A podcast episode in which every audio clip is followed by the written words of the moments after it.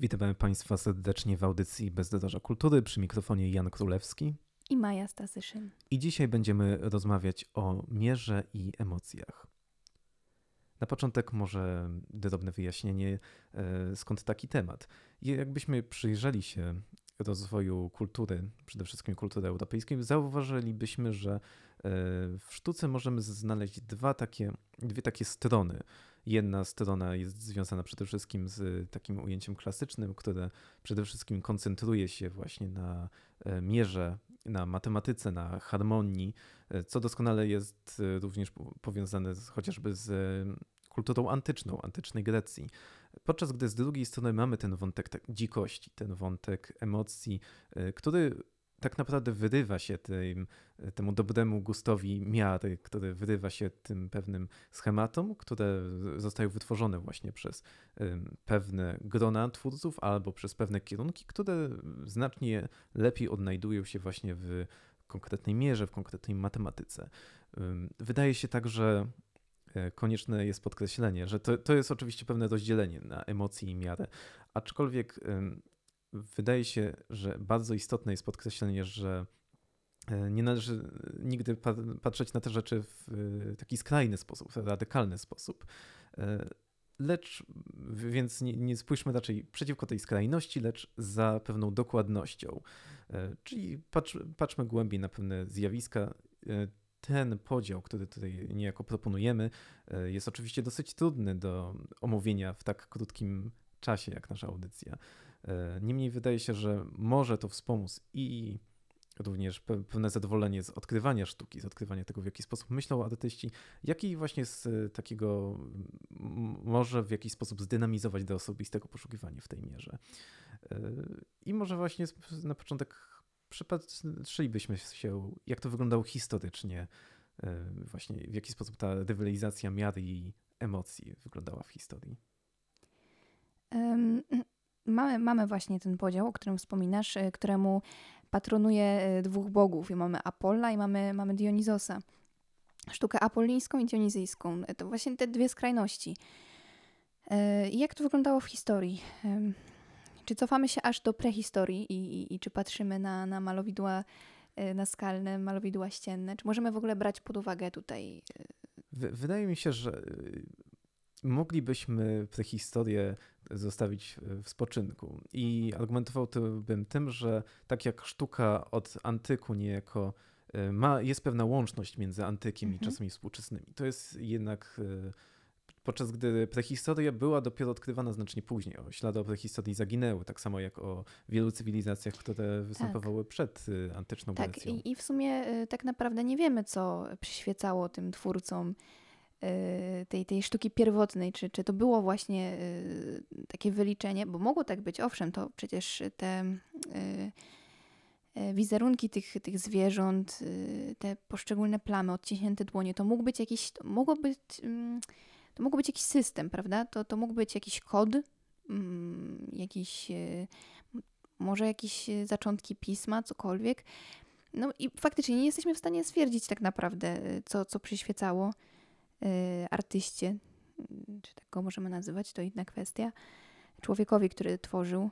Y, Podczas gdy już właśnie w, w, antyku. w antyku już mamy do tego większy dostęp zarówno tak. do E, dzieł, może nie aż tyle z Grecji, co z Rzymu, ale e, i do pewnych dzieł, i do pewnych zabytków, tak. a także nawet do tekstów e, osób, które tworzyły w tamtym czasie. Tak, i tam sztuka była już nazywana faktycznie sztuką, więc zaczynając od, od antyku, mm, możemy powiedzieć, że cała, cała ta historia sztuki rozpoczęła się jednak od tej miary, od, od spojrzenia bardziej takiego logicznego ścisłego, y, bo mieliśmy właśnie chociażby rzeźbę, y, gdzie te kanony, wszystko było proporcje wyliczone, ile razy głowa mieści się w ciele, y, jaka powinna być długość nóg, ramion, jak nawet przecież jak były budowane te świątynie antyczne, mm, to one, kolumny były w pewnym miejscu pogrubione specjalnie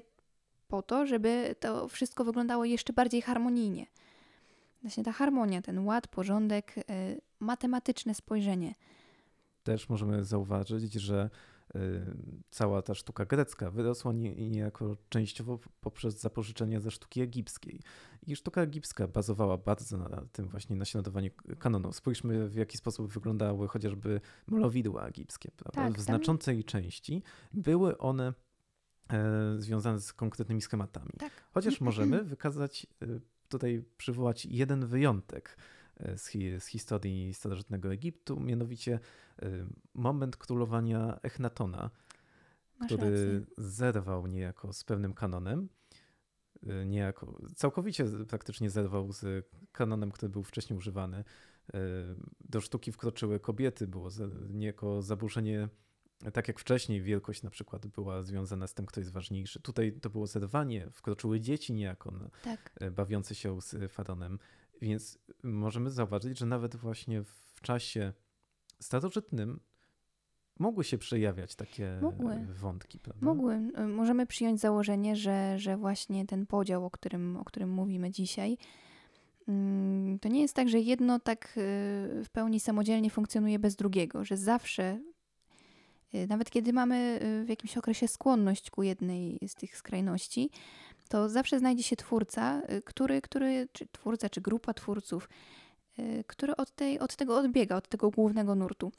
Y, teraz mi przyszedł do głowy mm, William Blake y, z tym jego, to był okres romantyzmu, jeśli się nie mylę. Tak, tak. To on w tym właśnie okresie szału i uniesień, burzy i naporów tworzył sztukę, która była, która, której forma była, tak można powiedzieć, matematyczna, kurczę. To, to, to tam na jego obrazach było widać chociażby Bóg stwarzający wszechświat. Mamy, mamy te dwa promienie, które dzielą nam. Tam, tam jest postać na, na górze, mamy ciemność, mamy dwa, dwa promienie. Mm, no, czy, czy inne z jego dzieł, gdzie, gdzie wszystko, wszystko było, wszystko było. I też te, to się, te dwa promienie, prawda, niejako jako cyrkiel, cyrkiel zakreślają. Właśnie, prawda? jako matematyczne narzędzie. Gdzieś była obecna, y, było, jest wyczuwalne to, to, to drugie spojrzenie, to, odbiegające od tego, co w romantyzmie było jednak głównym nurtem, gdzie emocje grały rolę. Tak, bo e, właśnie wydaje się, że to jest bardzo ważne, to co powiedziałaś, że tych dwóch rzeczy nie należy absolutnie od siebie w jakiś taki skrajny sposób oddzielać. Nie należy ich dzielić, że tutaj mamy osoby, które tylko są za matematyką, tutaj mamy osoby, które są tylko za emocjami. Ostatecznie jedna i druga część pełni bardzo ważną rolę. Również tak więc jak jedni nawet przekrywają się w drugą, to nie mogą całkowicie odciąć się od drugiej strony. Y, jeżeli chodzi też o romantyzm, wydaje mi się, że w romantyzmie możemy mówić też o pewnej y, nie tylko pewnym zrywaniu z kanonami takimi estetycznymi, chociażby Delacroix, prawda? I już możemy wskazać, że Delacroix zaczął troszeczkę od Y, odchodzić od pewnych schematów. Podobnie William Turner, który później, y, dzięki któremu później ten impresjonizm mógł się y, rozkwitnąć. Ale wydaje się też, że ciekawym jest to, że również sama tematyka dzieł zaczęła się zmieniać. I wydaje się, że właśnie również poświęcenie, że również poprzez tematy możemy patrzeć na to, co, jest, co bardziej się skłania do miary, a co bardziej się skłania do emocji. Na przykład wydaje się, że w tym Y, w tej dziedzinie miary, harmonii, prawda? Bardzo będą się odnajdywać mitologiczne tematy, bardzo będą się dobrze odnajdywać tematy wzniosłe, więc również sztuka religijna będzie miała tutaj y, bardzo łatwo taką drogę.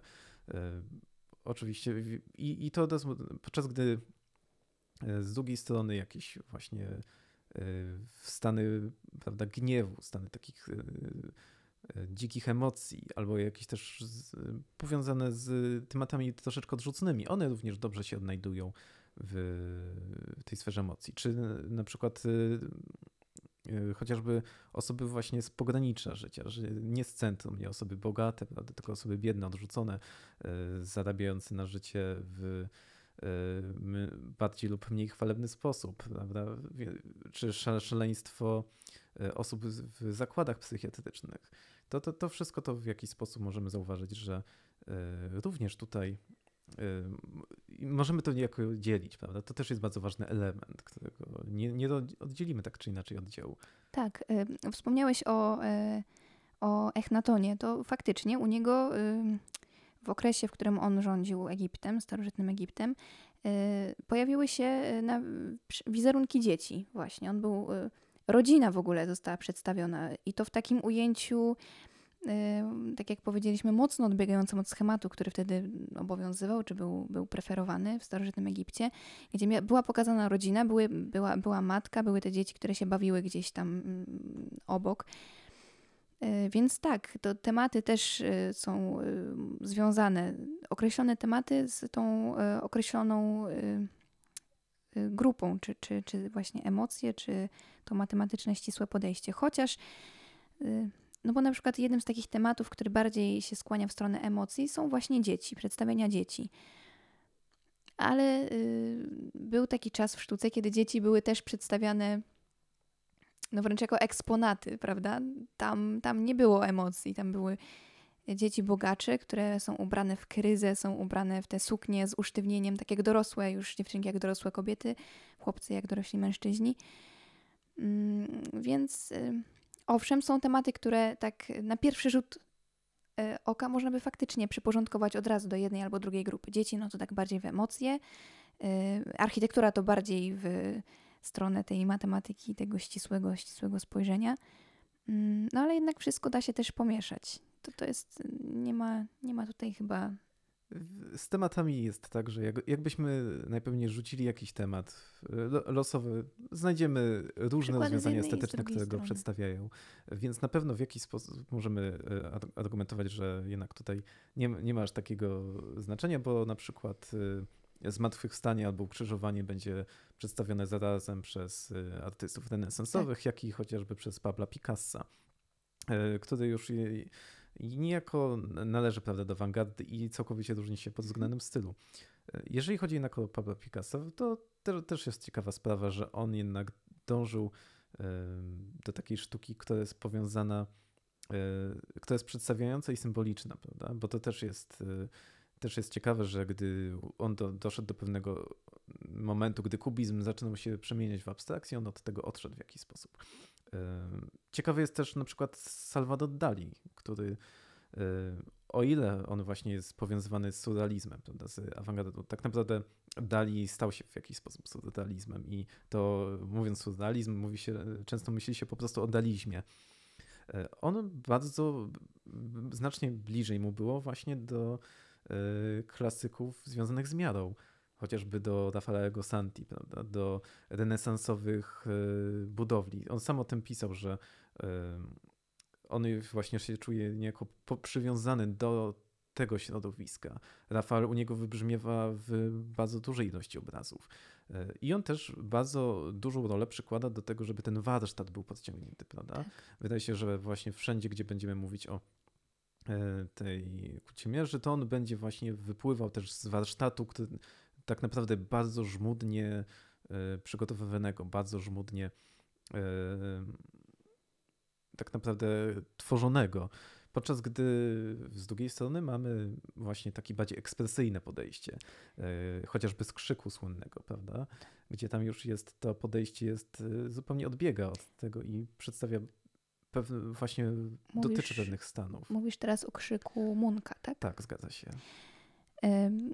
To jest, to jest, no to tak wygląda, że każdy tak naprawdę artysta na początku wychodzi z takiego matematycznego podejścia do sztuki. On A się musi nauczyć. Powi pewnie, że powinien, tak. Dla mnie to jest wręcz osobiście oczywiste, że osoba, która się uważa za artystę, no nie może po prostu tak zupełnie chcąc tylko i wyłącznie ale to też jest ciekawy temat. Nie chcę się tutaj jakoś e, mocno e, teraz stawiać.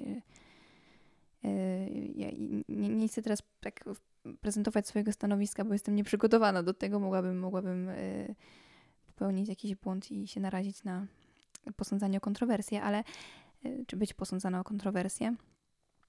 Właśnie, to chciałam powiedzieć, że, że artyści wychodzą, czy powinni wychodzić od tego, że oni studiują na początku mm, że, że mają właśnie warsztat, że mają y, rzemiosło w ręku. Y, ja widziałam nieraz takie, takie przedstawienia, y, porównania mm, obrazów z początku twórczości, z początku kariery malarskiej różnych artystów Y, no i te jego ta twórczość dojrzała, gdzie ta twórczość na początku to są faktycznie, to są studia y, postaci, to są, to są martwe natury, to są bardzo realistyczne przedstawienia. No i myślę, że to jest jednak y, takie potrzebne, żeby ten artyzm był taki pełny, żebyśmy nie tylko potrafili namalować coś tak, jak byśmy chcieli, ale też pokazać, że potrafimy, prawda? Żeby, i wydaje się, że też ta myśl może nam posłużyć jako właśnie przejście do spojrzenia na to, w jaki sposób to wygląda w czasach współczesnych, ponieważ oczywiście e, należy i bardzo na pewno warto zgłębiać to, w jaki sposób sztuka rozwijała się w przeciągu wieku, w jaki sposób zachodziły zmiany, jacy artyści tworzyli i w jaki sposób, dlaczego oni w taki sposób tworzyli. Ale ostatecznie musimy pamiętać, że e, żyjemy obecnie i że również nas dotyczy odpowiedzialność dbania o to, w jaki sposób sztuka wygląda w naszych czasach, w jaki sposób tworzą nasi artyści. Nie powinniśmy na rzecz, e, tak jak nie powinniśmy na rzecz teraźniejszości zrywać z przeszłością, tak też nie powinniśmy na rzecz e, przeszłości ignorować teraźniejszość. Dlatego no, my, myślę, że właśnie możemy rozwinąć jednak ten temat współczesności. Czy teraz e, artyści są bardziej nastawieni na emocje, czy jednak y, możemy również odnaleźć tą, tą postawę miary, to przewagę tych twórców, którzy są związani z miarą. Tak jak to było tak naprawdę w większości, y, przez większość czasu historii europejskiej. Wydaje mi się, że współcześnie jednak idziemy w stronę emocji. Y, chociażby takie przekonanie, że każdy może być artystą, że każdy dzisiaj może coś stworzyć, zrobić temu zdjęcie, opublikować i, i zacząć prowadzić jakiś profil na, nie wiem, na Instagramie chociażby. I, i na takiego artystę pozować, bez, bez y, warsztatu, bez umiejętności tak naprawdę. I też bez y, takiej y, świadomości pewnych kontekstów. Tak. Więc wydaje się, że często faktycznie możemy mówić o, o zagrożeniu idącym z nastawienia jednego albo na drugą stronę, prawda? Bo tak jak e, nie, nie ma tutaj drogi ściśle idealnej, nie, nie ma, zdaje się, nie możemy powiedzieć, że po prostu miara jest jedyną właściwą drogą, albo że emocje są jedyną właściwą drogą. Wydaje się, że twórczość nie możemy oceniać przez tak bardzo uogólnione pojęcia i wydawałoby, i ona potrzebowałaby pewnego osobistego podejścia. Niemniej zdaje się, że i z jedną, i z drugą stroną mogą iść pewne zagrożenia jeżeli będziemy właśnie popadać w skrajność i akcentować zbytnio jedną stronę. Na przykład e, zbetonowanie sztuki akademickie pod, w XIX wieku, gdzie nic innego się nie liczyło poza pewnym przetwarzaniem już spełnionych wzorców. Tak, zabetonowanie to jest dobre słowo. E, I, I po prostu ta woda po jednej stronie tej tamy zbudowanej, ona tak coraz bardziej przybierała na sile, aż w końcu mm, ten impresjonizm się tak przebił przez ten mur, rozwalił ten tamę, to zabetonowanie e, stworzone przez, przez, e, akade, przez sztukę akademicką. No i właśnie mamy, na, nastał e, czas impresjonizmu, gdzie był bardzo duży nacisk położony na wrażenie, na emocje. Tam, tam można powiedzieć, że to był wręcz cel. Chodziło o to, żebyś stanął przed obrazem i żebyś poczuł to, co się tam dzieje, to, co, to, co, żeby poczuć emocje przedstawionych tam ludzi, którzy, nie wiem, którzy się spotykają gdzieś e, na jakimś balu, którzy tańczą, którzy oglądają jakąś, jakieś przedstawienie, którzy spacerują, żebyś poczuł, e, no właśnie, żebyś poczuł. Tak jak w sztuce akademickiej chodziło o to, żeby podziwiać warsztat, żeby docenić kreskę, docenić umiejętności, tak impresjoniści chcieli raczej osiągnąć to, żeby widz, odbiorca mógł czegoś doświadczyć. I też, później to, I też później jest bardzo wiele innych postaw związanych właśnie z tymi emocjami, które zaczynają się powoli przedzierać w, przez XX wiek. I teraz ja bym się zgodził, że teraz przede wszystkim emocje pełnią tą główną tak, rolę. Może tak. dlatego, że one y, też łatwiej się sprzedają, że często bywają łatwiejsze w odbiorze. Tak. Co też jest niejako pewną pułapką, wydaje się, dla y, podążania po prostu ścieżką emocji, gdy z jednej strony właśnie, z jednej strony możemy mówić o tym braku y, kontekstu, o braku pewnego przygotowania do tworzenia, gdzie, przez który też niejako pomimo, że mamy dużą różnorodność, to nie powiedziałbym, że możemy mówić o dużej kreatywności. Mamy złączenie z bardzo, możemy mówić od czasem o zerwaniu z jakimś takim wielowykowym, prawda, wielowykowym dorobkiem ludzkości w tej mierze. Dochodzi do chaosu tak naprawdę. I, i teraz już mamy tylu, tylu artystów, że, że po prostu no, jest tego całe, całe morze. I, że to już nie, i ciężko jest wyłowić, też, właśnie, i ciężko, ciężko jest wybić się tym, którzy dochodzili jednak y, bardzo trudną i ciężką drogą do tego, żeby, żeby móc tworzyć i żeby. Smutne jest to, kiedy właśnie sztuka takiej osoby, która, która znaczy to też może być jakaś wybitna jednostka. No nie mówię, że, że to nie jest że nie mamy niektórych rzeczy takich wrodzonych, ale kiedy ktoś się wybija y, tym swoimi, swoją jakąś twórczością bez tego przygotowania wcześniejszego właśnie, bez... A osoba, która, y, nie wiem, studiowała, która kończyła kursy, która ma za sobą miliard ćwiczeń, y, nie jest w stanie się wybić, nie jest w stanie jakoś się pokazać tak, żeby, żeby ludzie to też zauważyli i docenili. Tak, to, to już też są konsekwencje pewnego kształtu obecnej kultury, w jaki sposób, no właśnie, tak. w jaki sposób odbywa się promocja. Ja też y, wspomniałaś wcześniej o architekturze. E, architektura jest z oczywistych względów bardziej związana z kultem miary i matematyki i myślę, że dla dobra nas wszystkich, jakbyśmy mieli właśnie architektów, którzy troszeczkę mniej zadbaliby o pewne matematyczne wyliczenia, to moglibyśmy na tym troszeczkę ucierpieć. Tak, mielibyśmy więcej y, krzywych wież.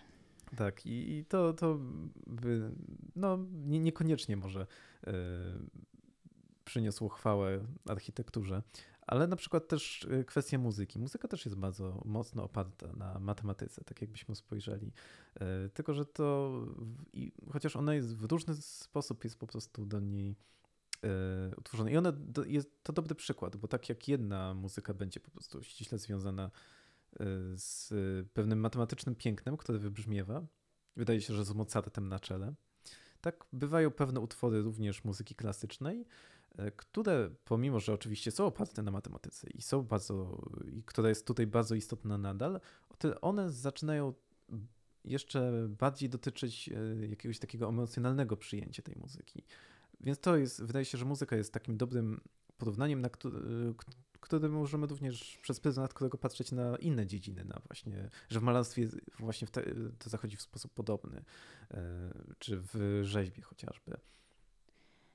Mm, tak, muzyka jest na tym w tym momencie e, jakoś bardziej wyjątkowa, bo faktycznie tutaj się nie da tak do końca obejść zupełnie bez e, tych pewnych reguł, prawda? O ile obraz jeszcze nawet dla niektórych to puste płótno jest już jakimś obrazem. Ono już jest, jest to już coś, co, co można zobaczyć, co można. Tak, cały, cały ekspresjonizm abstrakcyjny, również tutaj sztuka minimalistyczna, prawda? Tak. Miałam okazję kiedyś usłyszeć jakiś eksperyment właśnie muzyczny, gdzie ktoś chyba na siłę próbował się wyzbyć wszelkich reguł, no ale to nie brzmiało dobrze, moim zdaniem. Yy to, to właśnie brzmiało tak, jakby ktoś y, z samych emocji próbował zbudować jakiś utwór muzyczny. Y, nie miało to, mówiąc kolokwialnie, rąk i nóg, ładu i składu. No cóż, w sztukach wizualnych też y, można osiągnąć ten efekt, że przedstawić właściwie nie wiadomo co i powiedzieć, że ale to są moje emocje. Ja tutaj czułem gniew tak, i tak. zrobiłem i rzuciłem kulką z farby w obraz, w płótno i stworzyłem to właśnie i nazwałem to mój gniew. Dlatego też wydaje się, że wiele, wiele problemów wynika z pewnego podejścia do skraj, skrajności, albo skrajnie ktoś chce, żeby to było wszystko wyli, powyliczane i dokładnie matematyczne, albo zbytnio się skłania w drugą stronę i i ostatecznie zapominamy o tym, że to nie chodzi o to, żeby to było po prostu ułożone matematycznie, czy żeby były emocje, lecz e, bardziej chodzi o przekaz i o to, co to może człowiekowi dać, w jaki sposób Właśnie, może go to, co może człowiekowi dać, bo człowiek e, jako odbiorca musi też musi też coś, coś z tego zrozumieć, prawda? On nie wejdzie do głowy e, takiego artysty czarnej plamy na białym tle i on nie, nie, nie, nie będzie w stanie tak do końca jednak tego gniewu jego, tego artysty poczuć. Dlatego bardzo lubię sztukę impresjonizmu, bo te obrazy coś przedstawiają. One przedstawiają y, sylwetki, przedstawiają jakiś krajobraz. tylko to wszystko ma taką bardziej właśnie emocjonalną formę i dzięki temu, dzięki temu, że ja tam wiem, co obraz przedstawia i dzięki tej formie, która to wrażenie powiększa, wzmacnia, y, to ja bardzo tę sztukę przeżywam i bardzo ją sobie cenię. No a taka właśnie skrajność, y, jak mm, wszelkiego rodzaju plamy i, i kwadraty, nie przemawiają do mnie tak mocno, ponieważ ja się muszę chwilę spędzić nad tym dziełem, chwilę się nad nim pochylić, żeby je zrozumieć i żeby wtedy dopiero zacząć je przeżywać w jakiś sposób, odbierać tak bardziej emocjonalnie, jak artysta tego zapewne chciał.